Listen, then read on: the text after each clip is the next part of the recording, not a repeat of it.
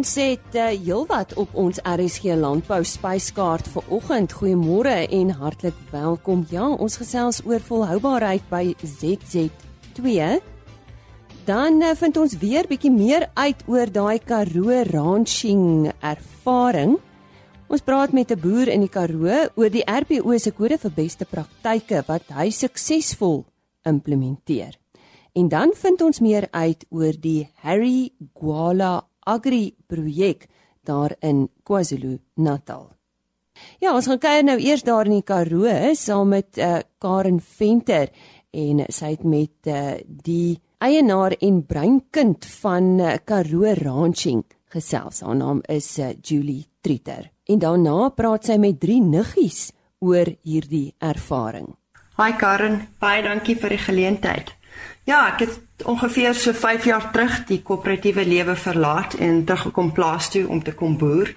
En een van die lekkerste werke vir my is om ons perde te gebruik om beeste op die plaas bymekaar te maak. So toe was Crew Ranching gebore. Crew Ranching beoog om die beeld van landbou te verbeter deur mense geleenthede aan te bied om op plase te kom werk vir 'n paar dae en te sien wat in 'n boer se daaglikse lewe aangaan. Hoe dit werk is, elke Karoo ranching byeenkoms het 'n beperkte getal kaartjies wat verkoop word. Dit sluit deelnemers se kos, verblyf en perde in asook professionele foto's en video's geneem deur ons Karoo ranching fotograwe en filmmakers. Op 'n tipiese cattle drive ontmoet die deelnemers hulle perde en word aan die Karoo ranching spanne voorgestel saam met wie hulle vir die volgende paar dae gaan saamwerk. Die Karoo Ranching spanleiers is almal wat ons noem nuwe generasie boere. Hulle is jonger as 40 en en boer voltyds. Ehm um, een van die Karoo Ranching cattle drives het in Oktober op ons familieplaas in die Karoo plaas gevind. Hier boer my familie nou al vir 6 generasies. Ehm um, hierdie jaar het ons twee spanne gehad wat vir 4 dae beeste in die berge moes bymekaar maak en die jaarlikse beeswerk uh moes doen. Die oggende het om 4uur elke oggend begin waarna breiters moes seker maak dat al hulle perde gevoer was voordat die dag se werk begin. Uh teen al 5 moes perde opgesaag gewees het en elke span was verantwoordelik vir 'n trop beeste op die plaas. Die dae was maar lank gewees, maar die spanwerk en die gees was ongelooflik om te ervaar. Deelnemers het regtig hard gewerk, maar het goed gevoel oor hulle self en en wat hulle bereik het. En ek glo mense het teruggegaan huis toe met 'n nuwe perspektief oor wat dit beteken om 'n nuwe generasie boer te wees in Suid-Afrika.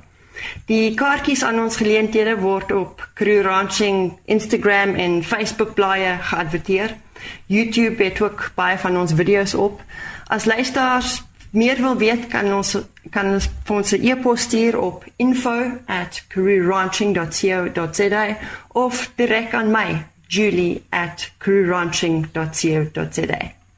Hallo luisteraars, ons kuier vandag hier op Elands Kloof naby aan Graafrenet en dit is die jaarlikse cattle drive wat Julie Trieter hier op die plaas aanbied.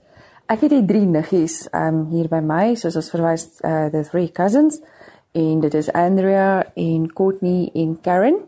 En ek wonder nou wie van julle gaan eers met die luisteraars gesels. Hallo luisteraars, ek is um Andrea Jackson.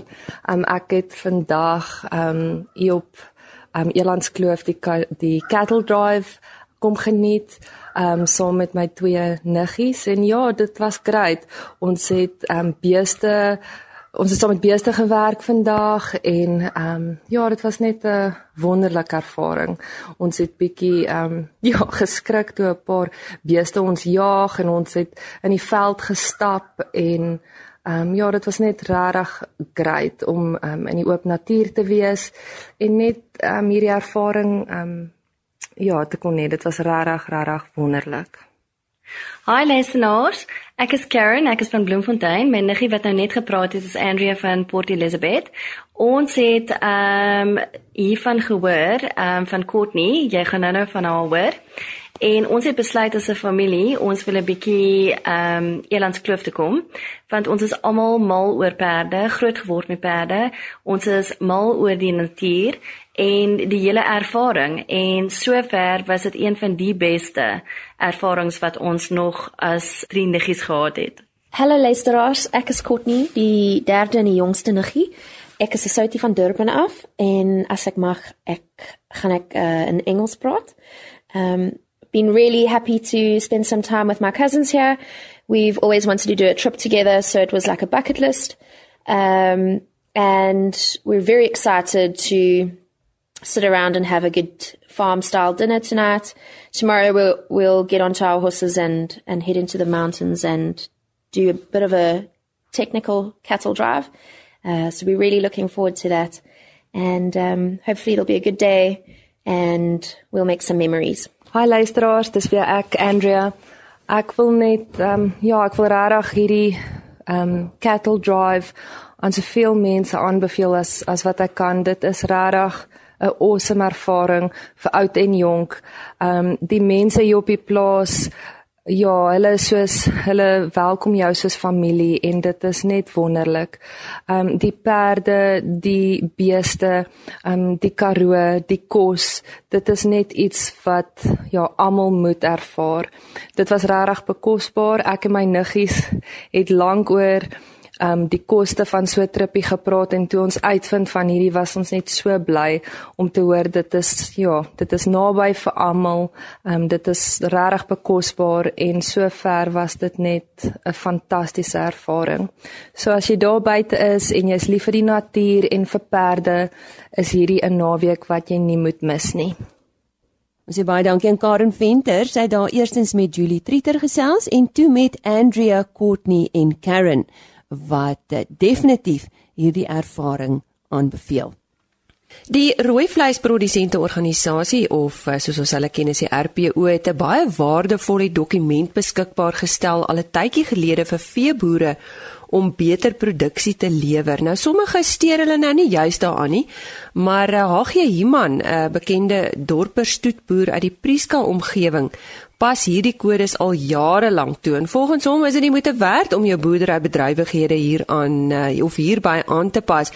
Nou Hagie, dink jy dis nie moeite werd om jou boerderybedrywighede aan te pas by die kode van beste praktyke soos deur die RPO voorgestel of dink jy dis maar eintlik net basiese beginsels wat net weer toegepas word? Ja nee, dit is verseker die moeite werd. Uh ek dink wat dat ons nie die oog moet verloor nie is uh die feit dat dit wat ons mee besig is met die kode van beste praktyk doen ons boere eintlik maar elke dag op die plaas maar ons orden dit nie ons beplan dit nie en dan val daar baie van die pap op die grond. En daarom is dit belangrik om juist die kode vir beste praktyk te gebruik sodat te gebruik sodat ons ons bestuur uh baie beter kan uitvoer. In in ons geval het ons uh met die kode vir beste praktyk begin so 11 jaar terug toe masjien uh Johannesplaas toe gekom het en uh het ons ons kudde bestuursplan daarvolgens begin uitwerk. En wat uh, hoekom ek kan sê dit werk vandag is omdat ons aanwaspersentasie het oor die afgelope 11 jaar van 81% verbeter na 142% waar ons tans staan. En en ek skryf 'n groot deel van daai sukses toe aan die toepassing van die kode vir beste praktyk. Sjoe, dis werklik noemenswaardig. Nou, volgens die kode van beste praktyk word heelwat klem gelê op die behoeftes van die verbruiker. Ehm um, is dit werklik nodig vir julle produsente om julle daaraan te steur, maar is dit dalk nie eintlik maar net die handelaar se gebiedsveld hierdie nie? Ja. Uh ons uitgangspunt is eintlik om te sê dat uh die verbruiker kom eerste uh en en ek wil amper sê daar's drie belangrike dinge wat vir of uh, eienskappe wat van rooi vleis in ons geval wat vir die verbruiker belangrik is. En dit is veilige voedsel, veilige voedsel en nogmaals veilige voedsel. Uh dit dit is vir ons belangrik dat ons aan die verbruiker kan uh die hoë kwaliteit rooi vleis kan voorsien en dat ons natuurlik ook dan nou vir hom kan waarborg uh, dat dit 'n uh, dat daar nie 'n probleem is met ons vleis nie, maar dat hy baie veilig is. Ons het ook 'n naspeer naspeurbaarheidstelsel in plek wat gekoppel is aan die uh tatoeëermerke wat geregistreer is by die geregistreer van brandmerke en ons die unieke nommerstelsel wat ons koppel aan ons tatoeëermerk en aan ons stoetnommer wat ook uniek is. uh, daar bestaan nie eens so 'n nommer in die wêreld. En uh, al ons diere is getag met daai nommer en is almal getatoeëer. So dat uh, as die verbruiker op die pakkie dan van die pakkie af uh, terug tot by ons op die plaas uh die die vleis naspeur. Uh wat natuurlik baie hoë of baie groot gemoedsrus gee. Verder maak ons gebruik van geregistreerde uh veemedisyne en voere. Uh, uh ook ons maak nie gebruik van tuisgemaakte produkte nie want uh jou geregistreerde uh voere en medisyne is, is getoets vir veiligheid vir die verbruiker. Jy het nou so 'n bietjie vroeër gepraat van jou seun Johannes wat nou saam met jou boer en uh julle boer in die Karoo wat natuurlik bekend is vir sy hitte en en droogte, maar ek verstaan julle het op 'n stadium julle waterpunte op die plaas verminder. Waarom het julle dit gedoen, Agie? Ja, uh dit klink altyd nie so reg nie. Maar dit is vir ons baie belangrik om 'n paar goed uh wat uitkom in die kode vir beste praktyk te, te kan toepas moet jy gereeld by jou diere kom byvoorbeeld. Uh jy moet omsien na die veiligheid en die welstand van jou diere. En ons het gevind dat uh waar ons toe ons uh 11 jaar terug tot 3 wa waterpunte per kamp gehad het, is dit verminder na net een waterpunt per kamp. Uh wat ook nie altyd so sentraal is nie. Maar dit gaan oor uh om om jou doelwitte te haal en om gereeld by jou diere te kan kom. As jy meer waterpunte dan raak dit onmoontlik om by jou diere te kom. Ons het kameras op by al ons waterpunte wat ons uh, wat saans uh deur die nag anders en wat heeltyd foto's neem wat vir ons dan wys as daar probleemdiere is, dan kan ons hulle optel. Dit wys ook vir ons ons gewoontes van ons eie diere wanneer hulle kom water drink. En al hierdie goed doen mense mos nou maar om meer vol, volhoubaar te kan wees, meer winsgewend te kan wees vir langtermyn stabiliteit en en natuurlik nou ook vir voedselsekerheid. Ehm uh, so dit dit is maar die hoofrede. O, dan die ander belangrike ding is omdat ons toe ons dit doen, het ons baie gou agtergekom as ons diere se produktiwiteit wil verhoog, moet ons ons diere 'n bietjie verander. So ons steel nie meer die tradisionele kortbeen dorpers. Ons het ons dorpers se bene langer gemaak en in die proses het ons reproduksie verbeter en ons produksie ons ons speen uh, tans as ons gemiddelde speengewig 3 kg swaarder as 11 jaar terug en ons lampersentasie het onmiddellik gestyg toe ons die kode vir beste praktyk begin gebruik het met 22%. Agie, julle is ook daarop ingestel om die biodiversiteit en ekostelsels op die plaas in stand te hou. Waarom is dit belangrik vir dorperboerdery? Ja, dit is uh eintlik gaan die twee hand aan hand, biodiversiteit en en en ekostelsels. Uh dit dit is baie belangrik uh en ons uitgangspunt is om 'n fyn balans te kan kry tussen jou gesondheid van jou diere en en dan uh die ekostelsels op die plaas. Uh ons ons probeer beskerm sover as moontlik byvoorbeeld muskruiers en eerdworms uh by ons kom redelik baie kom omtrent al die spesies muskruiers wat daar vandag bestaan voor. En en dit is die goed wat vir jou baie goeie indikator is van hoe goed dit op jou plaas gaan. Uh ons moet omsien na die diere se gesondheid. Uh en welsyn en voorspoed. Dit is belangrik om ons natuurlike hulpbronne te beskerm. Uh en dit kan ons net lees wanneer ons uh, uh ernstige biosekuriteitstelsel en 'n ekosisteemstelsel in plek het. Het julle enige probleme met indringerplante? Ja, ons uh ons het nou eintlik op 'n groot deel van ons grond het ons nie probleme nie. Ons het 'n plaas nou gekoop so 4 jaar terug waar 'n uh, prosopus voorkom. Uh die plaas het baie uh, daar kom daar's heel daar's baie water ook op die plaas wat natuurlik dit nou aanmoedig dat uh prosopus baie maklik groei. Maar ons het begin met 'n proses om prosopus uit te roei. Uh ons het al 'n uh, baie groot deel van ons grond het ons heel skoon gemaak. Ons het al so 10000 hektaar heel skoon. En ons is nou besig om die laaste 4000 hektaar skoon te maak. Ons waar ons aanvanklik eers net die die bome afgesaag het en dan doodgemaak het, uh saag ons nou net die bome om die drinkplekke af en maak hulle dood. Die ander spuit is eenvoudig dood met uh, chemiese middels. Uh in uh, want dit en ons kan klaar die verandering al by ons sien dat ons watertafel het begin styg. Ondanks die feit dat ons in 2014 en 15 'n deur rampdroogte is, waar ons maar 40 mm reën gehad het. Ag nee, kom ons gesels oor dieregesondheid. Hoe werk jou dieregesondheidsprogram?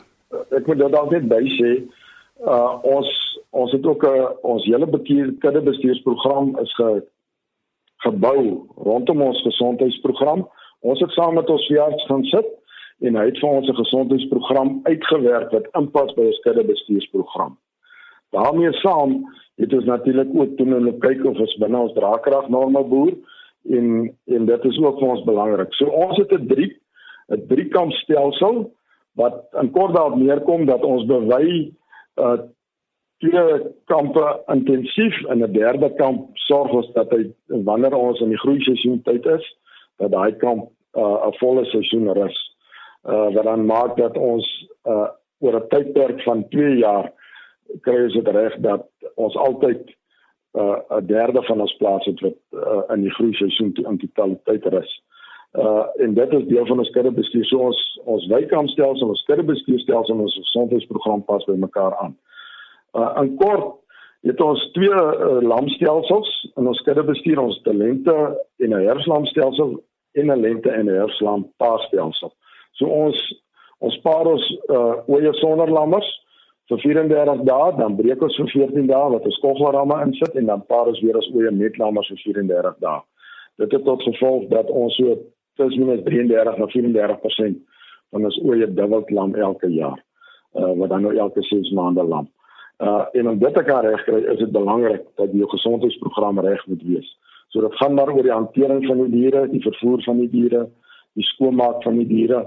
Uh ons byvoorbeeld ons al ons diere lei ons net met leibanke by alles krale en die veld ook. Uh ons maak net van drukgange gebruik so ons probeer so min as moontlik die diere hanteer. En dan uh wat ook vir ons belangrik is is dan dat die medisyne wat ons toedien, ons dit program en ons doseerprogram en ons uh uh inentingsprogram daarbey aangepas is. Ons diere altyd in 'n gesonde toestand is. Nou ja, die RPO se kode vir beste praktyke werk definitief vir HG Human en sy seun Johannes wat bekende dorperstoet boere in die Prieska omgewing is en ons sê vir hulle baie dankie dat hulle hulle suksesverhaal ook met RSG Landbou gedeel het. Is nou tyd vir ons vleispryse, soos altyd aangebied deur Chris Derksen en die datum van hierdie eh, veilinge was op Dinsdag 4 Desember en dis natuurlik veilinge daar in die Noord-Vrystaat. Goeiemôre. Ek gee graag vir julle die pryse vir die 4de van die 12de maand vir week. Dit is belangrik dat ons hele gebied geweldig droog is en dit het noodwendig 'n neerdrukkende invloed op pryse en verhoog die aanbod.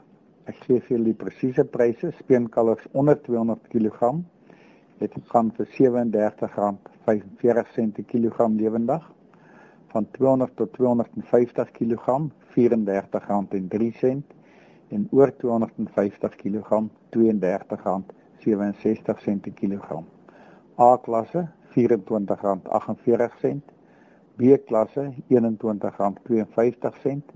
C klasse het vetkoeie gegaan vir R22.56 per kilogram. En markkoeie het gewissel van R17.80 tot R19.12 per kilogram. Slagbulle R22.26. Skaapmark stoorlammetjies R37 per kilogram, slaglammers R32.88.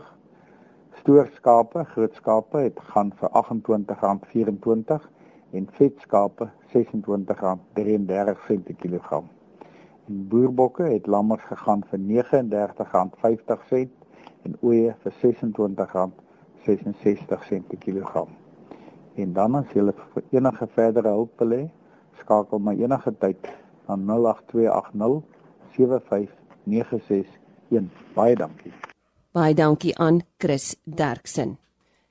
Ek sal dalk onthou dat uh, maandagooggend ons van Lindy Stroebel gehoor het van 'n uh, PMA of die Produce Marketing Association. Hulle het 'n geleentheid aangebied op 21 November, hulle kleinhandelaars netwerk ete, maar ook saam met dit heelwat ander werksessies. Jennifer Roots het uh, met ZZ2 gesels. Wiam Haddad was vandag gewees by PMA se eerste taakgroep vergadering oor volhoubaarheid in die varsprodukte industrie. Wiam, vertel ons bietjie hoe het jy die vergadering ervaar en hoe pas dit in by wat julle doen by natuurboerdery by ZZ2? Dankie. Uh die PMA se se visie uh om deur internasionale netwerke 'n gesonder wêreld te groei. Um resoneer baie goed by by wat ons probeer bereik by ZZ2 met ons natuurboerdery filosofie. Ons het oor die laaste 20 jaar of so baie geleer hoe om in harmonie saam met die natuur te probeer boer, lesse uit die omgewing uit wat ons kan toepas in die in die in die varsprodukte industrie. En dit is 'n lekker geleentheid om ons ervaring te kom deel hierso met 'n groter groep, maar ook om by die groter groep te kan leer ehm um, hoe ons ons eie praktyke verder kan vat en op 'n op 'n groter internasionale standaard kan plaas. Dis 'n baie lekker uh, gemeenskaps van praktyke hierso om volhoubaarheid en harmonie met die natuur binne die varsprodukindustrie uit te leef en te bevorder. Ons sê baie dankie aan Jennifer Roots wat daar met Wiam Haddad van ZZ2 gesels het. Harry Kwala Agri is 'n nuwe winsgewende organisasie in KwaZulu-Natal wat 18 maande gelede deur kommersiële boere in die Harry Kwala distriksmunisipaliteit gestig is. Nou die organisasie is daarop uit om hulle mede-kleinboere by te staan en te ondersteun en uh, ek gesels ver oggend met hulle projekbestuurder Dylan Wire. Nou Dylan, uh, verduidelik eers vir ons presies waar lê hierdie distrik, naamlik Harigwala en en van hoeveel boere praat ons? Goeiemôre. Goeiemôre. Yeah, so the district is located in southern KwaZulu-Natal and it includes the major towns of Kokstad in the south, Underberg in the north, um, Itopo, Umzimkulu in the east, And we're looking at, um, in terms of commercial agriculture, the area is made up of five farmers associations, and we are dealing directly with four of those. Um, and then in terms of small scale farmers, so Stats SA, they, they think that there's about half of the, the households in the district. So we're looking at about 110,000 households. Half of those are involved in agriculture in some way. Um, but about 90% of those households are actually in the low income category. So yeah, that is that's Sjoe, so dis nogal 'n hele paar boere. Wat was die oorspronklike doel van hierdie projek, Dylan? Commercial farmers in the district realized that they they could no longer live as these islands of prosperity, um, and that the injustices of the past really needed to to be dealt with. And so over the years, several commercial farmers in the district had started these projects on their own accord. And so the purpose of forming this initiative was really to support those projects, bring them under one umbrella, and then to establish new projects um, from that, that momentum that had already been achieved. Nou noem vir ons 'n paar praktiese voorbeelde hoe julle hierdie boere nou ondersteun en bystaan. So skills development essentially is the is the focus of our initiative, and and that really takes place through two two channels. The first is um, through an in-service training program that we've set up for farm management students from a local uh, TVET college. So we place those students on commercial farms in the district in order for them to obtain practical experience that they require to obtain their diplomas. And then we set up a system to, to monitor their progress. And then the other channel is the mentorship projects that exist between aspiring farmers. Um, and, and they really range from subsistence food security projects aimed at rural households to upcoming commercial farmers who, who we partner with established commercial farmers. And then what we do is approach companies in the agribusiness sector who can offer a leg up to those projects by providing inputs or equipment in, in the first year of that project. Nou ek weet mentorskap vorm natuurlik altyd 'n kardinale deel van so 'n program. Wat doen julle in hierdie verband, Dylan? Yeah, so the aim is to, to link aspiring and established successful commercial farmers, and ideally those that live in close proximity to one another. And really the focus is sharing knowledge and imparting skills. So we meet with the two parties, the, the established uh, commercial farmer and the aspiring farmer.